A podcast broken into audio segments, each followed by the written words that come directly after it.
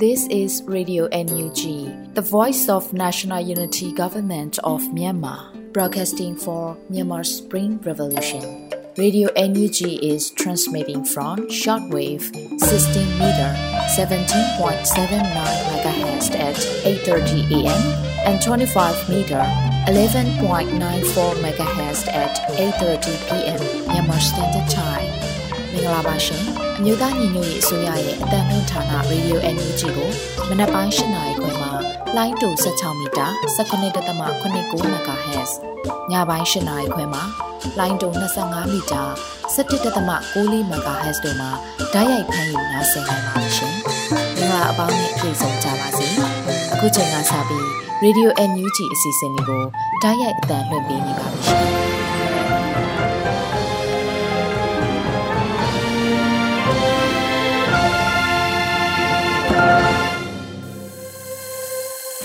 မြန်မာနိုင်ငံသူနိုင်ငံသားအပေါင်းတဘာဝပြီးဆရာနာရှင်ပြည်တို့ကနေကင်းဝေးပြီးကိုစိတ်နှပါပေးကင်းလုံခြုံကြပါစေလို့ဗီဒီယိုညူချီဖွယ်သားများကနေဆုတောင်းမြတ်တာပို့သလိုက်ရပါတယ်ရှင်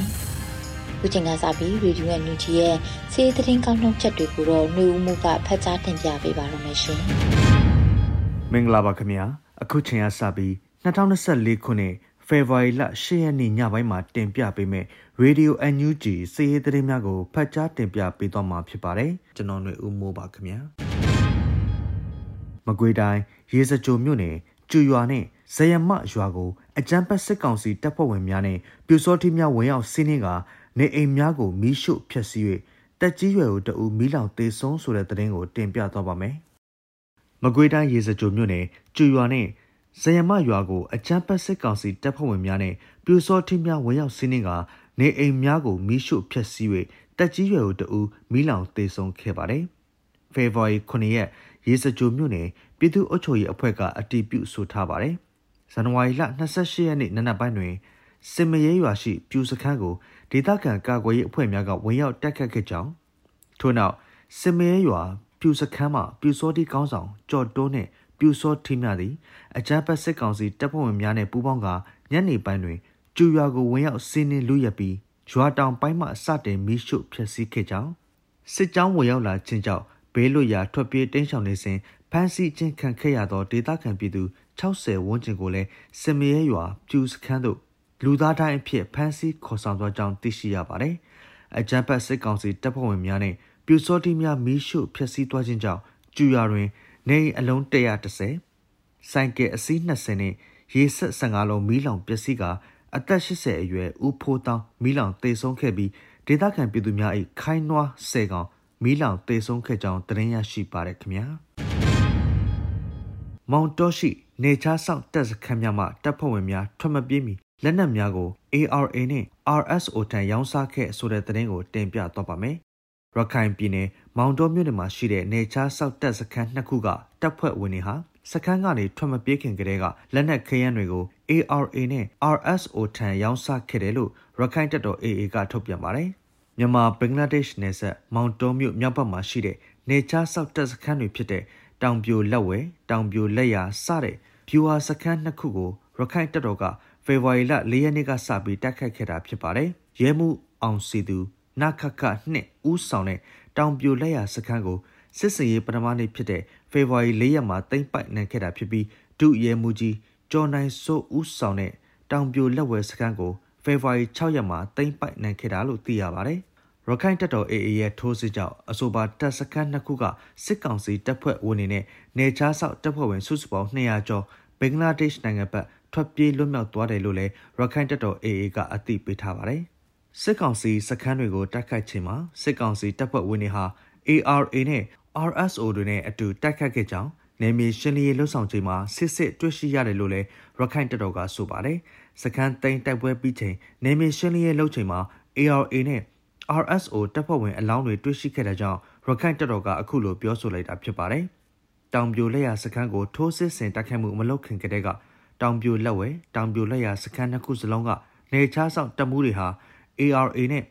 RSO တပ်ဖွဲ့တွေနဲ့ကြိုတင်ညှိနှိုင်းမှုတွေလှုပ်ဆောင်ခဲ့ကြောင်း ဖမ်းဆီးရမိထားတဲ့စစ်တုပ်ပန်းတွေရဲ့ထွက်ဆိုချက်အရသိရှိရတယ်လို့ရခိုင်တပ်တော် AA ကအသိပေးထားပါတယ်။စစ်စခန်းကနေထွက်ပြေးရမယ့်အခြေအနေနဲ့ကြုံလာရနိုင်တာကြောင့်တပ်စခန်းမှာရှိတဲ့လက်နက်ခဲယမ်းတွေကိုဘင်္ဂလားဒေ့ရှ်ငွေတာကာ10တန်မြန်မာကျပ်ငွေ3300နဲ့ရောင်းချထားခဲ့ကဘင်္ဂလားဒေ့ရှ်နိုင်ငံဘက်ထွက်ပြေးနိုင်ဖို့ ARA အဖွဲ့ထံအကူအညီတောင်းခဲ့တယ်လို့လည်းဖမ်းဆီးရမိထားတဲ့စစ်တုပ်ပန်းတွေရဲ့ထွက်ဆိုချက်ကိုကိုးကားပြီးရခိုင်တပ်တော်ကထုတ်ပြန်ထားပါတယ်။ဒါအပြင် နေချားဆောက်တပ်ဖွဲ့ဝင်တွေဟာ Nobihu Song ခေါင်းဆောင်တဲ့ Arakan Rohingya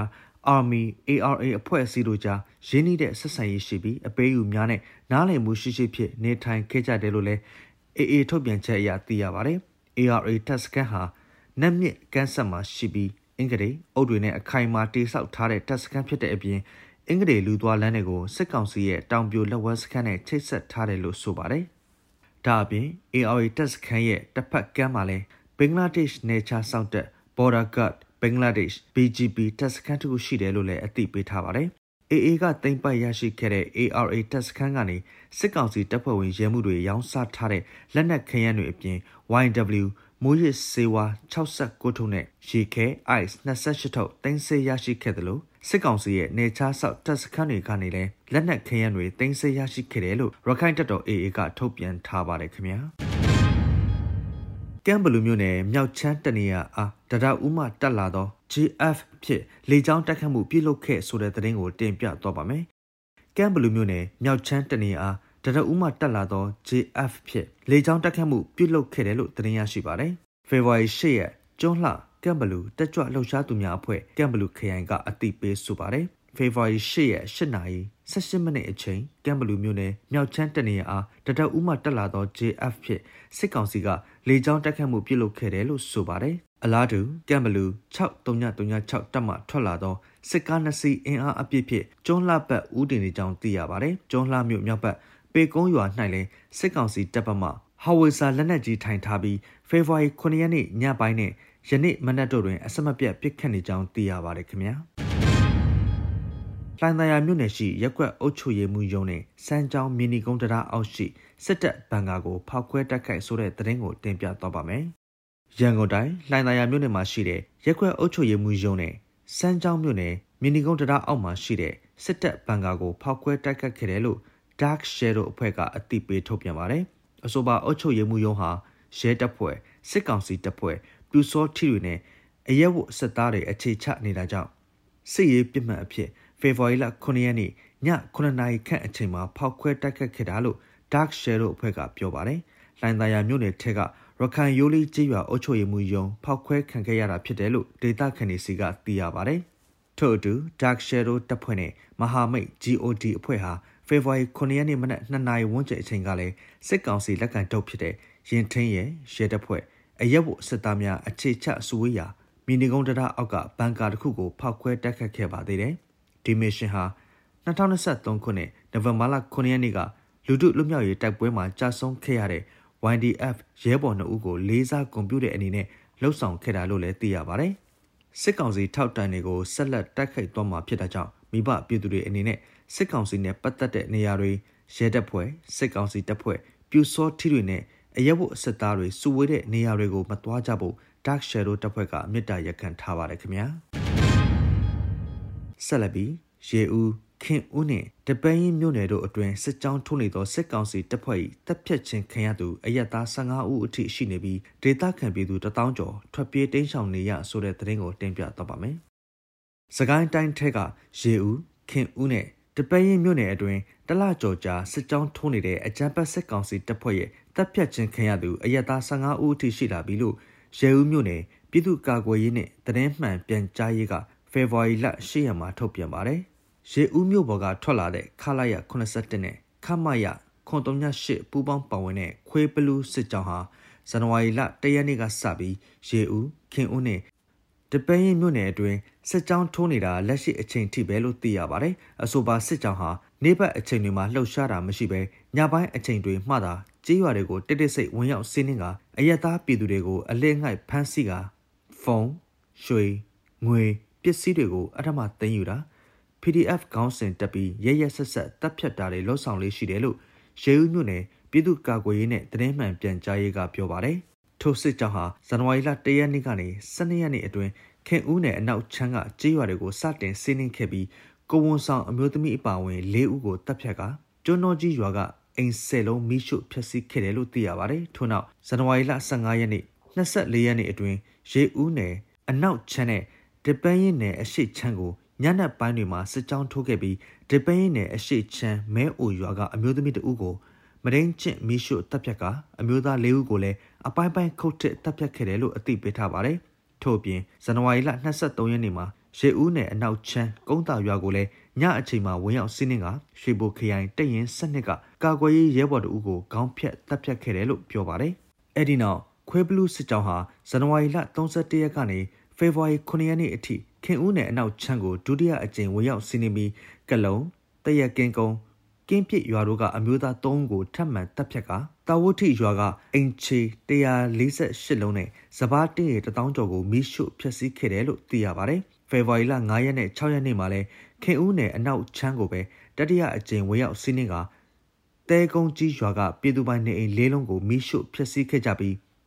ရေဦးနယ်တောင်ပတ်ချမ်း ကုတ်ကိုစုရွာကအယက်သားလူငယ်2ဦးကိုဖမ်းဆီးကလဲလီတပ်ဖြတ်သွားတယ်လို့ပြောပါတယ်။ယခုလက်ရှိမှာလည်းအဲ့ဒီအကြမ်းဖက်ခွေးဘလူးစစ်ကြောင်းဟာဖေဖော်ဝါရီလ9ရက်နေ့ကစပြီးယနေ့အချိန်ထိရေဦးမြို့ပေါ်ကနေအနောက်ပတ်ချမ်းမုတ်စီရွာမှာအထိုင်ချတက်ဆွဲထားတဲ့အတွက်ရေဦးနယ်တောင်ချမ်းကရွာသားလေးမူတာကုန်းကုတ်ကိုစုရွာများနဲ့ရေဦးနယ်အနောက်ပတ်ချမ်းကငုတ်တုံပြည်တော်မုတ်စီမူးစုံကုန်းကြီးကုန်းတန်နှောကုန်းဇဝဝတ်ဖိုးမြင်းပေါရွာမိတ်တာ ကုန်းတာရွာတဲ့ချမ်းတာထမ်းမေကုန်းစတဲ့ကြေးရွာပေါင်း၁၈ရွာကဒေသခံပြည်သူတထောင်ကျော်ထွက်ပြေးတင်းရှောင်နေကြရတယ်လို့ရေဦးမြို့နယ်ပြည်သူ့ကာကွယ်ရေးနဲ့တရင်မှန်ပြန်ကြားရေးကထုတ်ပြန်ထားပါတယ်။လက်ရှိမှာစစ်ဆောင်ပြည်သူတွေအတွက်စားနပ်ရိက္ခာများအရေးပေါ်အကူအညီလိုအပ်နေတာကြောင့်ဝိုင်းဝန်းကူညီပေးကြဖို့လည်းမြစ်တာရက်ခံထားပါတယ်ခင်ဗျာ။ဟုတ်ကဲ့ပါအခုတင်ပြခဲ့တဲ့စည်ရေးသတင်းတွေကိုတော့ Radio NUG သတင်းထောက်မင်းတီဟန်နဲ့ကိုခန့်တို့မှပေးပို့ထားတာဖြစ်ပါတယ်။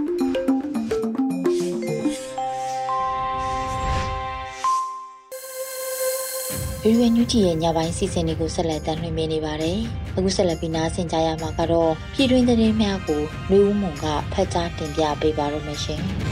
။မင်္ဂလာညချမ်းပါရှင်။2024ခုနှစ်ဖေဖော်ဝါရီလ10ရက်နေ့ Radio NUG ပြည်တွင်းသတင်းတွေကိုတင်ပြပေးသွားပါမယ်။ကျွန်မကတော့ຫນွေဦးမုံပါအကြံဖတ်စစ်တပ်ဟာရက်ဆက်တက်တဲ့လူတွေနဲ့စုဖွဲ့ထားတဲ့အဖွဲ့အစည်းဖြစ်တယ်လို့ဆိုတဲ့အကြောင်းအရာကိုတင်ပြပေးပါမယ်။ဂျမတ်စစ်တပ်ဟာ ရက်ဆက်တက်တဲ့လူတွေနဲ့စုဖွဲ့ထားတဲ့အဖွဲ့အစည်းဖြစ်တယ်လို့ပြည်ထောင်စုဝန်ကြီးဒေါက်တာတူကောင်ကဆိုပါတယ်။ဖေဖော်ဝါရီလ9ရက်ပြည်ထောင်စုဝန်ကြီးဒေါက်တာတူကောင်ကဆိုရှယ်မီဒီယာမှာမှတ်ချက်ပြုပြောပါတယ်။ဒီလောက်ရက်ဆက်တက်တဲ့လူတွေနဲ့စုဖွဲ့ထားတဲ့အဖွဲ့အစည်းနဲ့နိုင်ငံနဲ့အတူရှိနေတဲ့ဆိုတဲ့ခံစားချက်နဲ့သင်ငယ်မိတယ်လို့ခံစားရတယ်။တစ်ဆက်တည်းမှာငါတို့ရှင်းကိုရှင်းထုတ်တဲ့လူဖွဲ့စည်းဆိုတာလဲသိကြစေတယ်လို့ဆိုပါတယ်။2023ခုနှစ်နိုဝင်ဘာလ9ရက် ရန်ကုန်မြို့နယ်မြောက်ခင်ရရွာ Alliance Operation တွင် YDF ရဲဘော်2ဦးကိုစစ်ကောင်စီတပ်နဲ့ပြူစောထူတွေကဖမ်းဆီးရမိကအရှင်လက်လက်မီးရှို့တပ်ဖြတ်ခဲ့ပါတယ်ရှင်။ရိုဟင်ဂျာတွေနေနဲ့မြန်မာစစ်တပ်ကလူခွေရေးတွေကျူးလွန်ဖို့သတ်မှတ်ပေးခဲ့တဲ့ပထဝီနယ်မြေသတ်မှတ်ချက်တွေကဆက်လက်ကင်ဆွဲမထားသင့်ဘူးလို့လူခွေရေးဒုတိယဝန်ကြီးပြောကြားလိုက်တဲ့အကြောင်းအရာကိုဆက်လက်တင်ပြပေးပါမယ်။ရိုဟင်ဂျာတွေနေနဲ့မြန်မာစစ်တပ်ကလူခွေရေးတွေကျူးလွန်ဖို့သတ်မှတ်ပေးခဲ့တဲ့ ပထဝီနယ်မြေသတ်မှတ်ချက်တွေကဆက်လက်ကင်ဆွဲမထားသင့်ဘူးလို့လူခွေရေးဒုတိယဝန်ကြီးဦးအောင်ကျော်မိုးကဆိုပါတယ်။ဖေဖော်ဝါရီလ10ရက်လူခွေရေးဒုဝန်ကြီးဦးအောင်ကျော်မိုးကဆိုရှယ်မီဒီယာမှာအသိပေးဆိုပါတယ်။1992ခုနှစ်ကဗိုလ်မှူးကြီးအဆင့်ရှိသူတို့ကကိုကဲရဲမှုယာရုရယူကရိုဟင်ဂျာတွေပေါ်လူသားဖြစ်မှုစန့်ကျင်တဲ့ရာဇဝမှုများလူမျိုးတုံးတပ်ဖြတ်မှုများရှိန်ဟုန်မြင်ပြီးဆောင်ရွက်ဖို့တက်ရဲလူမှုကြီးကြပ်ရေးနဲ့အကောက်ခွန်စသည့်ဌာန၄ခုဖြင့်ဖွဲ့စည်းပေးခဲ့ပြီး ဘူးတီတောင်မောင်တော်ဒေတာမှာနယ်မြေ၉ခုသတ်မှတ်ပေးခဲ့ပါတယ်။ဒါအပြင်ရိုဟင်ဂျာတွေမတရားဖမ်းဆီးတာတပ်ဖြတ်တာတွေကြဲကြဲပြန့်ပြန့်ဆောင်ရွက်ခဲ့ပါတယ်။ဒါကြောင့်ရိုဟင်ဂျာတွေအနေနဲ့မြန်မာစစ်တပ်ကလူခွင့်ရေးတွေကျူးလွန်မှုသတ်မှတ်ပေးခဲ့တဲ့ပထဝီနယ်မြေသတ်မှတ်ချက်တွေကဆက်လက်ကိုင်းဆွဲမထားတဲ့အရာဖြစ်ပါတယ်လို့ဆိုပါတယ်။နယ်မြေများကိုဘိုးဘွားစင်ဆက်သုံးဆွဲမှုတိုင်းကျေးရွာဝိသေသနာမည်တွေကိုသာဆွဲကင်သုံးဆွဲပြီးစစ်တပ်ရဲ့နယ်မြေသတ်မှတ်ခလူမျိုးသုံးတပ်ဖြတ်မှုများ လူသားမျိုးနွယ်ပေါ်ကျူးလွန်ခဲ့သည့်ရာဇဝတ်မှုများခဲ့တဲ့အရာတွေကိုအချက်လက်စူဆောင်းရေးမော်ကွန်းတိုက်အတွက်သက်သေမှတ်တမ်းစူးစီးထားဖို့သာလူကြောင့်တိုက်တွန်းလိုတယ်လို့ဆိုပါတယ်ရှင်။ပြည်သက်နိုင်ငံလီယွန်မြို့၌လီယွန်မြို့တော်ရုံရုံးကစီစဉ်ခဲ့သောမြမအရေးဆွေးနွေးပွဲပြည်သက်နိုင်ငံဆိုင်ရာ NUG ကိုယ်စားလှယ်တက်ရောက်တဲ့သတင်းကိုလည်းတင်ပြပေးပါမယ်။ပြည်သက်နိုင်ငံလီယွန်မြို့မှာလီယွန်မြို့တော်ရုံးကစီစဉ်ခဲ့တဲ့မြမအရေးဆွေးနွေးပွဲကိုပြည်သက်နိုင်ငံဆိုင်ရာ NUG ကိုယ်စားလှယ်တက်ရောက်ခဲ့ပါတယ်။ 2024ခုနှစ်ဖေဖော်ဝါရီလ9ရက်နေ့မှာပြင်သစ်နိုင်ငံလီယွန်မြို့၌လီယွန်မြို့တော်ဝန်ရုံးကစီစဉ်ခဲ့တဲ့မြန်မာရေးဆွေးနွေးပွဲတည်းရဲ့ကျင်းပခဲ့ပါတယ်။ဆိုပါဆွေးနွေးပွဲမှာလီယွန်မြို့တော်ဝန်ရုံးနိုင်ငံတကာဆက်ဆံရေးဌာနဒုတိယမြို့တော်ဝန်ကဖွင့်မစကားပြောကြားခဲ့ပြီးပြင်သစ်နိုင်ငံဆိုင်ရာမြန်မာ NUG ကိုယ်စားလှယ်နန်းစုမိုအောင်ကလည်းကျေးဇူးတင်စကားပြောကြားခဲ့ပါတယ်။ ဆိုပါဆွေးနွေးပွဲသို့မြမရေးတက်ကြွလှုပ်ရှားသူ ABSDF အဖွဲ့ဝင်ဟောင်းကိုစလိုင်းရောအောင်နဲ့နှုတ်သက်ဗေဒပညာရှင်ဒေါက်တာ Francis Robin တို့တွေ့ရောက်ဆွေးနွေးခဲ့ပါတယ်။ဒါအပြင်မြမပြည်သူများဘက်မှအခုချိန်ထိမမမမက်ရည်တည်ပေးနေတော့လူပညာရှင်ဖြူဖြူကျော်သိမ်းမှလည်းတော်လန်သချင်းများဖြင့်ပါဝင်အားဖြည့်ခဲ့ပါတယ်။ NUG ရုံးဖွဲ့ဝင်လီယူမြို့ကမင်မာရောဘန်အပါဝင်ဆိုမပွဲဖြစ်မြအောင်ဆဆရရကူညီပေးသူများနဲ့စိတ်ပါဝင်စားစွာတက်ရအားပေးခဲ့ကြသော ပြင်သစ်များမြမမိသားစုများအား ကျေးဇူးအထူးတင်ရှိပါတယ်လို့ဆိုထားပါတယ်ရှင်။ကဘာမကြေဘူးလို့ရန်ကုန်မြို့ကြည်မြနိုင်ပန်းမီနီနန်းမှာဟစ်ကျွေးတဲ့တရင်ကိုတင်ပြပေးပါအောင်မယ်။ကဘာမကြေဘူးလို့ရန်ကုန်မြို့ကြည်မြနိုင်ပန်းမီနီလန်းမှာဟစ်ကျွေးခဲ့တယ်လို့တရင်ရရှိပါတယ်။ဖေဖော်ဝါရီလ10ရက်နေ့မှာပန်းမီနီလန်း၌ကဘာမကြေဘူးဆိုတဲ့စာရန်ကင်ဆောင်ပြီးဖက်စစ်စန့်ကျင်လှုပ်ရှားမှုတစ်ခုကိုဖက်စစ်များဝန်ရံထားတဲ့ကြားက GSC အင်အားစုတွေကပြုလုပ်ခဲ့ကြတယ်လို့သိရပါတယ်။ရန်ကုန်နေရအနှံပြလူလူကြား၌လည်းဖက်စစ်ဆန့်ကျင်ရေးတက်လက်နှိုးဆော်ခြင်းနဲ့ လှုပ်ရှားမှုများပြုလုပ်ခဲ့ကြပါတယ်။ဖက်စစ်တွေရဲ့ရက်ဆက်ရုံမှမှုအတွက်ကဘာမကြေဘူးတိုက်ပွဲရှိရင်အောင်ဝဲရှိတယ်။ရေးတော်ပုံအောင်ရမည်စသည်တို့ကိုကြွေးကြော်ခဲ့ကြပါတယ်ရှင်။ခုတင်ပြခဲ့တဲ့သတင်းတွေကို Radio Energy သတင်းတောက်မင်းတီဟန်နဲ့ကိုခန့်တို့မှပေးပို့ထားတာဖြစ်ပါတယ်ရှင်။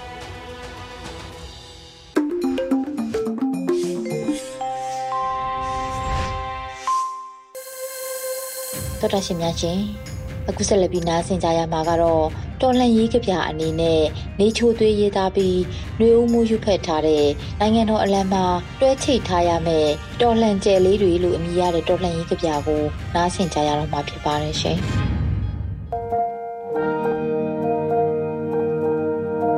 နိုင်ငံတော်အလံမှာဆွဲချိတ်ထားရမယ်တော်လန်ကျဲလေးတွေမြက်ရည်တွေရွာကျနေတဲ့နိုင်ငံတော်ကြီးတဲ့ မုံတိုင်းမိသွားတဲ့စိတ်ကကြေကွဲဝမ်းနည်းမှုတွေနဲ့ပိုးဆိုးပတ်ဆက်ကြီးကိုဖြစ်လို့ကိုချင်းစာတရားတွေလိုအပ်နေတဲ့အကြောင်းမိရှုဖြက်စီးခံလိုက်ရတဲ့ကြေးရွာတွေကိုစားပြောပြမယ်အမိအဖညီကိုမောင်နှမတွေမျက်စိရှိမှတယ်ရရဆက်ဆက်ပြတ်သက်ခံရတဲ့မြင်ကွင်းလူမမဲအကျွဲကလေးတွေကိုစားပြောပြမယ်ဖြက်လေးဖြက်စစ်ရင်းနဲ့တိုက်ဖြက်အကြမ်းဖတ်တဲ့ ဆက်အာနာရှင်လောက်ရဘေးလွတ်ရာပြေးနေရတဲ့အပြစ်မဲ့ပြည်သူတွေကိုစားကိုချင်းစာတရားထားတတ်အောင်ပြောပြမယ်ခြေလက်ကိုအင်္ဂါတွေချိုယွင်းကုန်တဲ့လူစရင်ကြီးကမဝင်ခင်မီးလောင်ပြင်ဖြစ်သွားတဲ့စိုက်ခင်းတွေကိုစားပြောပြမယ်စာတင်ကျောင်းတွေစေယုံတွေဘာသာရေးအဆောက်အုံတွေပေါ်ဘုံတွေကျဲချတဲ့လေရင်ပြန်တွေကြားအောင်ကိုချင်းစာတရားအကြောင်းပြောပြမယ် ကို့သွေးသားမိသားစုဖွားမှမဟုတ်ရင်တပိုတည်းကြည့်တဲ့လူတန်းစားတွေကြားအောင်ပြောပြမယ်ကိုချင်းစာတရားတွေငက်ငက်လာတိုင်းဒုက္ခတဲ့စခန်းတွေကိုစားဒုက္ခတဲ့စခန်းတွေပဲရှိစေခြင်းတယ်အတ္တမဖန်စီတပ်ဖြတ်ခံလိုက်ရသူတွေအိမ်ပြန်ရောက်မလာကြတော့ဘူးနာကျင်ကြေကွဲဖွယ်အတိတ်ထာယုံတွေနဲ့ကြဲမစုံတော့တဲ့မိသားစုဘဝတွေ ရှိုက်တန်ငှွေ့ငှွေ့ဝဲလို့အာနာရှင်စနစ်ဆိုအောက်ကလွတ်မြောက်ဖို့ဟာပြင်းထန်ကြမ်းတမ်းနောက်မဆုတ်စဒန်းကလောင်တစ်ဖက်တနတ်တလက်နဲ့လမ်းတရားမြတ်တလွတ်လပ်ခြင်းကနေမသွေဖဲတဲ့ကျင်ညာစတန်းကိုရွတ်ဖတ်မယ်အာနာရှင်တွေကြဆုံးပြတ်သုံးတဲ့နေ့ရောက်တဲ့အခါရည်ရွယ်ရာပန်းနိုင်ရောက်တဲ့အခါနိုင်ငံတော်တချင်းနဲ့ထပ်တူဂုံပြုတ်ကြတဲ့အခါဘယ်တော့မှမကြွေတဲ့ကျယ်ရီအကြောင်း ပြောပြမယ်အညာတရကျယ်ရီဆိုပေမဲ့ဂုံရောင်ပြောင်မြောက်စွာစွမ်းဆောင်ခဲ့တဲ့အကြောင်းပြောပြမယ်နိုင်ငံတော်အလံမှာချိတ်ဆွဲထားရမယ်တော်လန်ကျယ်လေးတွေအကြောင်းပြောပြမယ်ကျဲဆိုတာအမောင်မိုက်ဆုံးအချိန်မှာအထုံးလင်းဆုံးတောက်ပါတယ်ဆိုတဲ့အကြောင်းနေချိုတွေ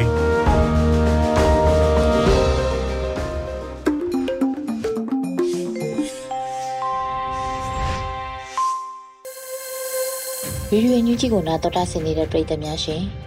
အခုဆက်လက်ပြီးနားဆင်ကြရမှာကတော့ဟန်ဆိုလက်တင်ဆက်ပြီးကိုခန့်နဲ့မင်းစစ်သွေးတို့ကောက်နှုတ်ထားတဲ့ပြည်သူမှပြည်သူတို့အစီအစဉ်မှာပြည်အောင်စုဝန်ကြီးဒေါက်တာဇော်ဝေဆိုးရဲ့ပြောကြားချက်ကိုနားဆင်ကြရတော့မှာဖြစ်ပါတယ်ရှင်။အတူဆုံးနည်းနဲ့ပြောရရင်တော့တော်လှန်ရေးအောင်မြင်နေတယ်လို့ပြော2021က စတင်တိဆောက်တယ်22ကအစင်းသင်းဖြစ်အောင်ပြင်ဆင်တယ်23ကဒေါ်လာရေးကိုနောက်တစ်ဆင့်တက်တယ်ဒါ2023 one year plan ရဲ့နောက်ဆုံးအပိုင်းမှာထိုးစစ်ကိုစတင်နိုင်ခဲ့တယ်ဒုတိယတစ်ဆင့်ကိုတက်နိုင်ခဲ့တယ်တက်ပြီးတော့2024ကတော့ဆရာသဘောတော့အဆုံးတတ်ရမယ်နှစ်ဖြစ်တယ်လို့ဆရာမြင်ပါတယ်ဆိုတော့အဲ့ဒါကိုအခု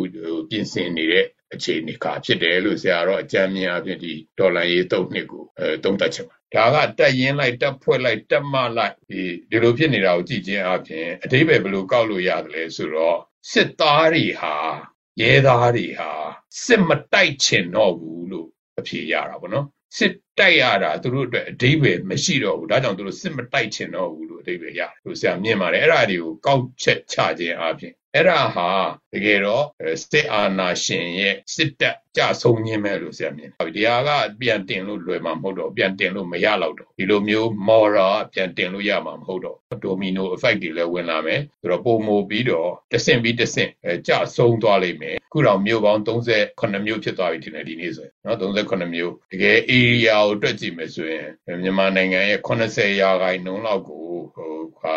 သုံးမိုးလာနိုင်တဲ့သဘောရှိဒါအပြင်ဆိုတော့လို့ BGF လို့ပေါ့နော်ကရင်မှာဖြစ်တဲ့ BGF လို့ကရင်ဒီမှာဖြစ်တဲ့ကလလတလို့အခု PNL လို့လို့တကယ်ကိုစီရေးအရာအောင်မြင်မှုတွေရသလိုနိုင်ငံရေးအရာလည်းအားပိုကောင်းလာတယ်လို့ဆရာမြင်ပါတယ် tipping point ကိုလွန်ပြီးလွန်ပြီးတော့ domino effect စရနေပြီမကြခင်ပဲဒီစစ်တပ်ဟာပြိုလဲသွားတော့မယ်လို့ဆရာမြင်ပါတယ်လို့အဲ့ဒါဟာဆရာအမြင်လည်းဖြစ်တယ်လို့နိုင်ငံတကာကလည်းအဲ့လိုမြင်တဲ့သဘောကိုအခုပြောလာတာတွေ တွေ့ရတယ်ပေါ့နော်ကျွမ်းကျင်သူတွေသုံးသပ်တာတွေ့ရတယ်ဆိုတော့အဲ့ဒီအခြေအနေကိုဒါဆရာဘက်ကတော့အများပြောတာနဲ့လက်ရှိဖြစ်နေတာနဲ့ပေါင်းပြီးသုံးသပ်ကြည့်ရရင်စောစောပြောလို့စစ်တပ်ကစီရေးအရာရှုံးနေနေပြီးတော့မကြခင်မှာအပြိုကွဲသွားနိုင်တဲ့အနေအထားရှိတယ်လို့မြင်ပါတယ် အခုဆိုရင်နိုင်ငံတကာကအရင်တော့ဟိုပြောသလိုပြောရရင်ဟိုကိုပေါ်တို့ဘာလို့ပြောသလိုပြောရရင်ဆရာတို့ကိုနိုင်မြင်းလို့သတ်မှတ်လာတဲ့သဘောရှိပါတယ်လို့ဆရာဒါဟိုနိုင်ငံတကာရဲ့အမြင်နဲ့ပတ်သက်ရင်တော့အဲ့လိုပဲပြောချင်တယ်အဲဆရာထင်ပါတယ်တရုတ်တို့အာဆီယံတို့ယူရိုပတို့နိုင်ငံတကာပေါ့နော်အိန္ဒိယချင်းတွေရောအိန္ဒိယတို့လည်းဒါကိုသဘောပေါက်ပါလိမ့်မယ် သူတို့လည်းဒေါ်လာရေးရဲ့အခြေအနေဟာဒီလိုဖြစ်လာတယ်ဆိုတာကိုသဘောပေါက်လို့ဒီအကြောင်းကျိုးတွေလည်းဆက်ဆက်ပြီးပြောင်းလဲလာတယ်လို့မြင်ပါတယ်2021ဇွန်လောက်ခနဲ့ကဇူလိုင်လောက်ခနဲ့စပြီးတော့အဲအဲ့ဒီကနေပြီးတော့ဂျာကာလစီမံခန့်ခွဲမှုဗဟိုဆိုတာကိုကျတို့စပြီးဖွဲ့စည်းပြီးတော့အဲ့ဒီကနေတိဆောက်ခဲ့တာဟာဒါကြောင့်လည်းပဲအဲ့ဒီအကျိုးကျေးဇူးကြောင့်အခုလိုမျိုးအရှိန်အဟုန်နဲ့တိုက်ပြီးသိပြီးထိန်းတဲ့အလုပ်ကကြိုတင်ပြင်ဆင်ထားပြီးသားဖြစ်တယ်လို့ပြောလို့ရတယ်ရက်ရွာတွေရွာတွေကိုအခြေခံပြီးကြေးလက်ကနေပြီးတော့မြို့ကိုကိုကတိတ်တာဖြစ်တဲ့အတွက်ကြေးလက်မှာစီမံခန့်ခွဲမှုတွေအုပ်ချုပ်ရေးတွေအစနေကတိဆောက်ထားပြီးသားဖြစ်တယ်အဲ့ဒီကနေမြို့ကိုသိမ်းပြီးဆက်ပြီးတော့စီမံခန့်ခွဲအုပ်ချုပ်မှုတွေကိုတွားတာဖြစ်တဲ့အတွက်နိုင်ငံတကာကစိုးရိမ်တယ်လို့အများထင်တယ်လို့ဗျံပရာပေါ့နော် chaos တွေခုနလိုအကြမ်းဖက်မှုတွေဟိုတရားဥပဒေစိုးမိုးမှုမရှိတာတွေမဖြစ်ဖဲနဲ့စနစ်တကျစီမံခန့်ခွဲကြောင်းလဲနိုင်တယ်လို့ဆရာမြင်ပါတယ်လုံလဲလုံနိုင်တယ်လုံလဲလုံနေတယ်ပေါ့နော်အဲ့ဒါကိုလည်းနိုင်ငံတကာကလည်းအခုဆိုရင်စိတ်ဝင်စားပြီးအခုညီတွေလည်းစပေးလာတယ်ဆိုတော့အဲဒါလည်းကောင်းတဲ့အချက်တွေလို့မြင်တယ်အဲဒါပေမဲ့ဆရာတို့မှာအခက်ခဲတွေကတော့ရှိတာပေါ့ပ စ္စည်းတွေမစုံလုံးမပြည့်စုံဘူးငွေကြေးမပြည့်စုံဘူးနောက်ကြတော့လူအင်အားမပြည့်စုံဘူးဆိုတာတွေရှိဆိုတော့ဒါတွေအတွက်လည်းစူးစမ်းပြီးတော့ဖြည့်ရှင်းနေရတဲ့သဘောရှိတယ်နော်ခဏလို့မအုပ်ချုပ်ရေးဆိုရင်ပါဖပကဖပါလာဖဒါတွေဖွဲ့စည်းပြီးတော့အဲဒါကိုဆောင်ရွက်တာတွေလုံခြုံရေးဆောင်ရွက်တာတွေရှိတယ်အဲ့ဒါတွေလည်းအကြမ်းမြင့်ခြုံငုံကြည့်ရင်တော့သတင်းတွေထဲမှာကြည့်ရင်တော့ဘေပကဖတပိတ်မောက်တာတို့ဘာခဏလို့စီမံခန့်ခွဲမှု အားနေတာတို့တွေရှိပေမဲ့အစုံလုံးကိုခြုံကြည့်ရင်တနိုင်ငံလုံးမှာမြို့နယ်ပေါင်း180ကျော်ကိုအဲ့ဒီလိုမျိုးသွားနေတယ်။နောက်တိုင်းရင်းသားဒေသတွေမှာလည်းတိုင်းရင်းသားဖွဲ့စည်းတွေကနှစ်ပေါင်းများစွာတွေ့ကြုံရှိပြီးသားနဲ့သွားနေတာဖြစ်တဲ့အတွက်အခုဆရာတို့တော်လန်ရေးမှာရုပ်ပြက်စင်းပြက်ဖြစ်ပြက်နေတာတွေမရှိပါဘူး။အုပ်ချုပ်မှုဒီပြက်ပြားသွားတဲ့ပုံစံမျိုးဟိုကြီးအကျယ်ဖြစ်သွားတာကိုမတွေ့ရဘူး။ဆိုတော့အဲ့ဒါကြောင့်ဒါဟာကြိုတင်ပြင်ဆင်မှုအားကောင်းကောင်းနဲ့လုပ်နိုင်ခဲ့တာအတွက်ဒီကြိုးကျေးဇူးကိုခံစားရတယ်လို့မြင်တယ်။နောက်တစ်ခါတော့ NUG လို့အစိုးရအနေနဲ့ဖွဲ့စည်းထားပြီးတော့အဲ့ဒီကနေပြီးတော့အောက်ထိ infrastructure တွေရှိနေတာတာဟာကောင်းတယ်လို့ပြောလို့ရတယ်ဒါပေမဲ့ပြည့်စုံတာဆိုမပြည့်စုံဘူးမှဝန်ဆောင်မှုတွေမှာဆိုရင်ပညာရေးတို့ကျန်းမာရေးတို့ဒီဝန်ဆောင်မှုတွေမှာလိုအပ်ချက်တွေအများကြီးရှိတယ်ဆိုတော့တွေ့ရတယ်ဒါပေမဲ့အဲ့ဒါတွေကိုဆက်ပြီးတော့အားနဲ့အင်းနဲ့အကောင်းဆုံးဖြစ်အောင်ဖြည့်ရှင်းလို့ရလိမ့်မယ်လို့မြင်တယ်အခုဆိုရင်မှ TNL တို့ MNDA တို့ဆိုရင်သူတို့ထိန်းချုပ်တဲ့ data တွေမှာအခု service ပေးဖို့ဆိုရင်ဒါခေါ်နေတာတွေအလုပ်ခေါ်တာတွေတော့စခေါ်နေပြီ ဆရာတို့လည်းဒီဘက်မှာ Colin တို့ခုနခမ်းပတ်တို့မှာဒီအလုပ်တွေ CDM တွေကိုပြန်ပြီးတော့ခေါ်ပြီးတော့ရန်တရားကိုလေပတ်နေပြီဆိုတဲ့ဟာတွေရှိတော့ဒီဟာတွေကတဖြည်းဖြည်းတဖြည်းဖြည်းနဲ့ပုံမှုပြီးအကောင်းလာမယ်ဆိုတော့အများထင်တယ်လို့နိုင်ငံတကာကထင်တယ်လို့ဆရာတို့တစားစီကွဲသွားမယ်လို့ ဒါတို့စီမှာဟိုစီမံခန့်ခွဲအုပ်ချုပ်မှုတွေပြက်ပြားပြီးတော့တိုင်းပြည်က fragile ဖြစ်မယ် fail ဖြစ်သွားမယ်ဆိုတဲ့ဟာမျိုးပေါ့နော်ဖြစ်မှာမဟုတ်ပါဘူးလို့ဆရာအနေနဲ့တော့ဒါကိုပြောချင်ပါတယ်ခြွေစစ်ကနေပြီးတော့ပထမတော့ခြွေစစ်ပေါ့နော်ဒီပျောက်ကြားစစ်နဲ့ခြွေစစ်ကနေပြီးတော့ခုကထိုးစစ်ကိုသွားနေတာဖြစ်တယ်ထိုးစစ်မှာအရှိန်အမြင့်ဆုံးအချိန်မဟုတ်သေးဘူးလို့တော့ဆရာတင်တယ်ရှေ့မှာအရှိန်အမြင့်ဆုံးအချိန်တခုရောက်လာလိမ့်မယ်အဲကြောင့်စစ်သားတွေရဲသားတွေကိုပြောပါဆိုရင်တော့အလင်းဝင်မှာပြည်သူဘက်ကိုပြည်သူရင်ဝင်ကိုခိုးလုံမှာအလံပြူထောက်မှာလို့ပြောချင်ပါတယ် စစ်သားရဲသားတွေကိုတိုက်တွန်းတယ်လို့ပဲနန်းစီရီယန်နေအနေနဲ့လည်းပဲအခြေအနေအလုံးသုံးသပ်ကြည့်ရင်သိနိုင်တယ်နန်းစီရီယန်ဆိုတာဝန်ထမ်းတွေတွေမကဘူးအကြောင်းသားတွေရောပေါ့နော်နောက်တစ်ခုကဒီ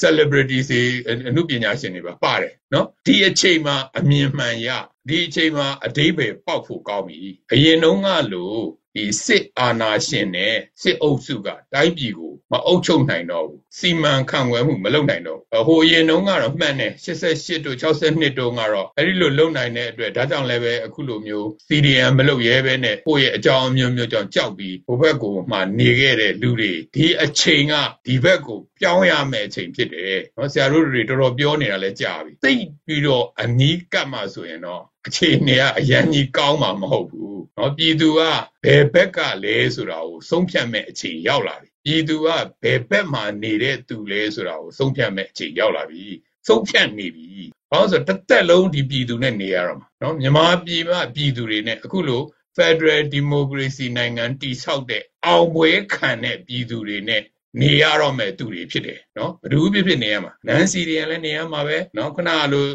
ကုမ္ပဏီတွေလည်းမြင်ရမှာပဲအစင်းရတဲ့သူရောချမ်းသာတဲ့သူဘယ်သူဖြစ်ဖြစ်ဒီအောင်ပွဲခံတဲ့ Federal Democracy ຫນွေဦးတော်လှန်ရေးအောင်ပွဲခံပြည်သူတွေနဲ့နေရတော့မှာပြည်သူတွေတန်ပေါင်းများစွာသောပြည်သူတွေနော်ခုဒီစစ်ပွဲကပြည်သူစစ်ပွဲဒီတော်လှန်ရေးကပြည်သူတော်လှန်ရေးဒီပြည်သူအားကြောင့်ပဲဒီစစ်တပ်ကကြဆုံးသွားဆိုတော့အခုဒီပြည်သူတွေဘက်ကိုပြောင်းပါ မပြောင်းရင်နောင်တစ်သက်လုံးပြည်သူတွေရဲ့ခုနကပြောလို့ပေါ့နော်အဲနားလည်မှုထဲမှာဒီလူတွေဟာစစ်တပ်ရဲ့လက်ကင်ထုတ်တယ်လို့မြင်သွားရင် မကောင်းဘူးလို့ဆရာတော်ပြောခြင်းအဲကြောင့်ဒီအချိန်မှာနန်းစီရီယန်နေ နန်းစီရီယန်ကျောင်းသားတွေနန်းစီရီယန်ဝန်ထမ်းတွေနန်းစီရီယန်ပုဂ္ဂလိကဝန်ထမ်းတွေနန်းစီရီယန်ကုမ္ပဏီတွေနန်းစီရီယန်စကားစရဲ့ဘက်တော်သားတွေပြောင်းကြဒီအချိန်ပြောင်းမှုအချိန်ရောက်ပြီဒါမျိုးဆိုရင်အနာဂတ်ပြည်သူတွေရဲ့စိတ်ထဲမှာတမျိုးတမည်ပြည်သူကိုဒုက္ခပေးခဲ့တဲ့သူလို့မမြင်စေချင်ဘူးဒါကြောင့်ဒီအချိန်မှာပြောင်းလဲပါလို့ဆရာတော့နောက်ဆုံးအချိန်ပြောလိုက်ပါတယ်နော်နောက်ဆုံးအချိန်ပြောလိုက်တယ်အဲ့ဒါလေးကိုကျွန်တော်ဟိုအဲ့သူတို့ကိုပြောချင်ပါတယ်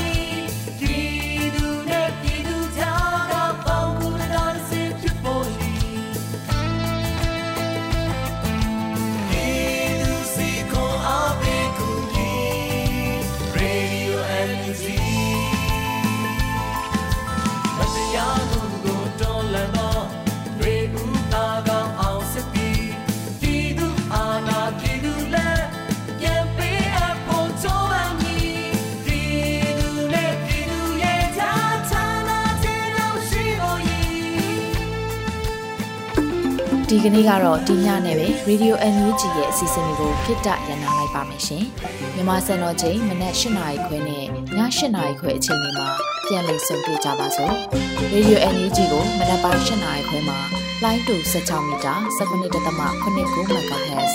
ညပိုင်း၈နာရီခွဲမှာလိုင်းတူ25မီတာ17.6 MHz တို့မှာဓာတ်ရိုက်ဖမ်းလို့နိုင်စေနိုင်ပါပြီ။ မြန်မာနိုင်ငံသူနိုင်ငံသားတွေကိုစိတ်နှပြကျန်းမာချမ်းသာလို့ဘေးကင်းလုံခြုံကြပါစေလို့ Radio NUG အဖွဲ့သူဖွဲ့သားတွေကဆုတောင်းမြတ်တာပို့ပါတယ်ရှင်။မြေသားညီမတွေအစိုးရရဲ့စက်တော်ရေးသတင်းအချက်အလက်နဲ့လူပညာဝန်ကြီးဌာနကထုတ်လွှင့်နေတဲ့ Radio NUG ဖြစ်ပါတယ်။ San Francisco Bay Area အခြေစိုက်မြန်မာမိသားစုတွေနဲ့နိုင်ငံတကာကစေတနာရှင်တို့အားပေးနေတဲ့ Radio NUG ဖြစ်ပါတယ်။အရေးတော်ပုံအောင်ရမည်